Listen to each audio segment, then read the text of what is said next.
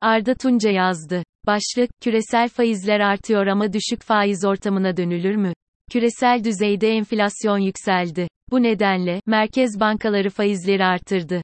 ABD'de ve Euro bölgesinde hedeflenen yıllık %2'lik enflasyon düzeyine ulaşılınca yeniden düşük faiz ortamına girilir mi? Pek çok soruya cevap aradığım bir süreçte, arka arkaya yayınlanan birkaç makale aklımda yeni fikirler ve sorular doğurdu. Covid-19 krizi öncesinde, gelişmiş ülkeler %2 oranındaki enflasyon düzeyine dahi ulaşamıyorlardı. Üstelik, yüksek likidit ve sıfır faiz koşullarında.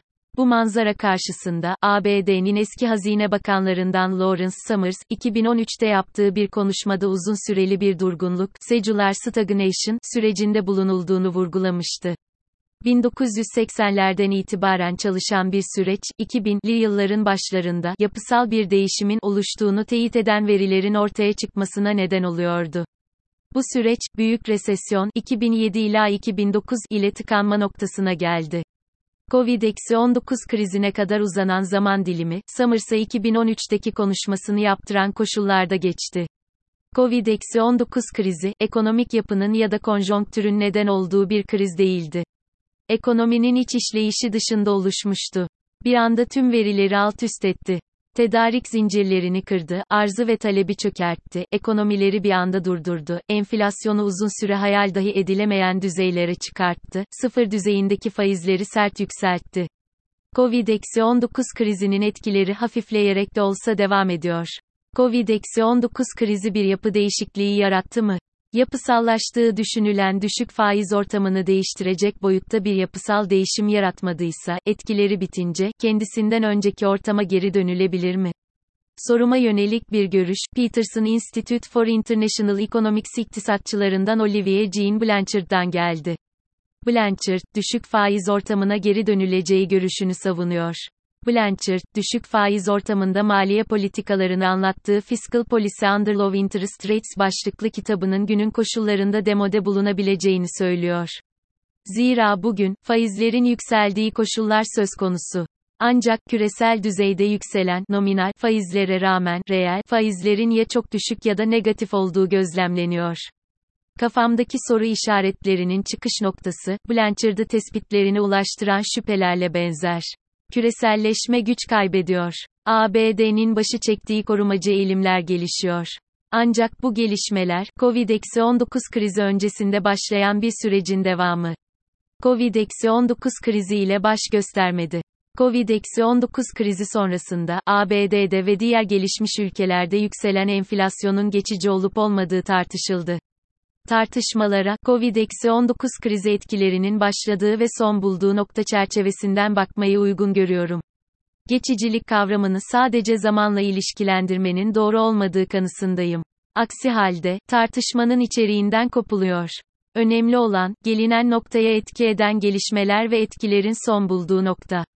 Yani, Covid-19 krizi etkileri sahneden çekildiğinde, neyle karşı karşıya kalınacak? Paul Krugman, Covid-19 krizi sonrasında yükselen enflasyonun geçici olduğunu savundu. Daha sonra, yanıldığını yazdı. Fakat, yanıldı mı? Krugman, enflasyonun geçici olduğunu söylerken Summers, Biden'in Covid-19 krizi nedeniyle açıkladığı harcama paketinin enflasyonist olacağını söylüyordu. Nitekim, harcama paketinin çok güçlü enflasyonist etkisi oldu. Krugman, bu enflasyonist etkiyi göremedi. Ancak, enflasyonun geçiciliği konusunda, zaman kavramı bir kenara atılarak, Covid-19 krizi etkilerinin başladığı ve bittiği nokta açısından bakıldığında haklı olabilir. Bu noktada, bir yazıda Columbia Üniversitesi iktisatçılarından Joseph Stiglitz'ten geldi. Stiglitz, Summers'ın enflasyonun 5 yıl gibi bir süreye yayılacağı iddiasının önemli ölçüde yeni düşmeye başlayan enflasyon oranı nedeniyle çürütüldüğünü ifade ediyor. Summers, enflasyonun düşürülmesi için büyük bir işsizlik yaşanmasına gerek olduğunu dile getirmişti. 2 yıl boyunca %7,5 ya da 5 yıl boyunca %6 ya da 1 yıl boyunca %10 gibi düzeylerde işsizlik yaşanmadan enflasyonun kontrol altına alınamayacağını söyledi. Anlatmak istediği, sert yükselen enflasyonu aşağı çekmek için ekonomiyi sert durdurmak gerektiğiydi ki temas ettiği verilerin istatistiki dayanağı mevcut. Diğer bir ifadeyle Summers, ekonominin enflasyonist ortamda durgunluğa, yani stagflasyona gideceğini anlatıyordu.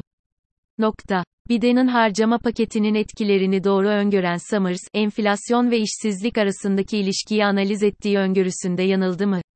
Amerikan Merkez Bankası, Fed, yükselen enflasyonu zaman kavramı çerçevesinde ele aldı ve başta enflasyonun geçici olduğunu düşündü. Düşündüğünün ötesinde hızlı bir tempoda yükselen enflasyonu sert faiz artırımlarıyla dizginlemeye çalıştı. Fed, bu faiz hamlelerini yaparken işsizlik verilerini de dikkate almak zorunda. Zira, sadece parasal istikrardan değil, istihdamdan da sorumlu. Bu misyon çerçevesinde, ekonomiye yumuşak iniş yaptırması gerekiyor.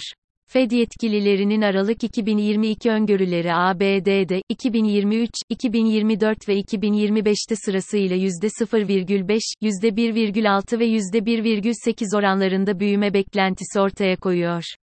Yine aynı yıllar için manşet enflasyon tahmini sırasıyla %3,1, %2,5 ve %2,1.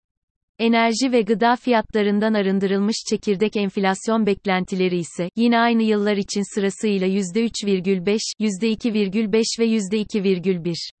Yani FED, hedeflediği %2'lik enflasyona 2025'te çok yaklaşacağını öngörüyor. Aralık 2022 verilerine göre ABD'de işsizlik oranı %3,5.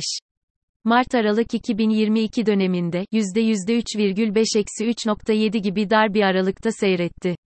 Aynı dönemde FED, faizi %0,25-0.50 aralığından %4,25-4.50 aralığına taşıdı. Sert faiz artırımlarına rağmen iş gücü piyasası güçlü seyretti. Fed, iş gücü maliyetleri endeksini de özellikle önemsiyor. Fed'in işsizlik oranı tahminleri 2023, 2024 ve 2025'te sırasıyla %4,6, %4,6 ve %4,5. Yani uyguladığı politikaların işsizliği bir miktar artıracağını öngörüyor. Fakat, bu işsizlik beklentileri yüksek değil. Enflasyon, Haziran 2022'de %9,1 ile zirve yapmıştı. Aralık 2022'de %6,5'e düştü. Bu, Ekim 2021'den bu yana yıllık enflasyonda görülen en düşük oran ve son 6 ayda düzenli olarak düşüyor. Aylık bazda ise fiyatlar 2 yıl sonra ilk kez düştü. Çekirdek enflasyon ise, Aralık 2022'de %5,7 olarak gerçekleşti. Çekirdek enflasyon, %6,6 ile Eylül 2022'de zirveye ulaşmıştı. Para politikasının etkinliği mevcut konjonktürde çekirdek enflasyon üzerinden daha çok gözlemlenebiliyor.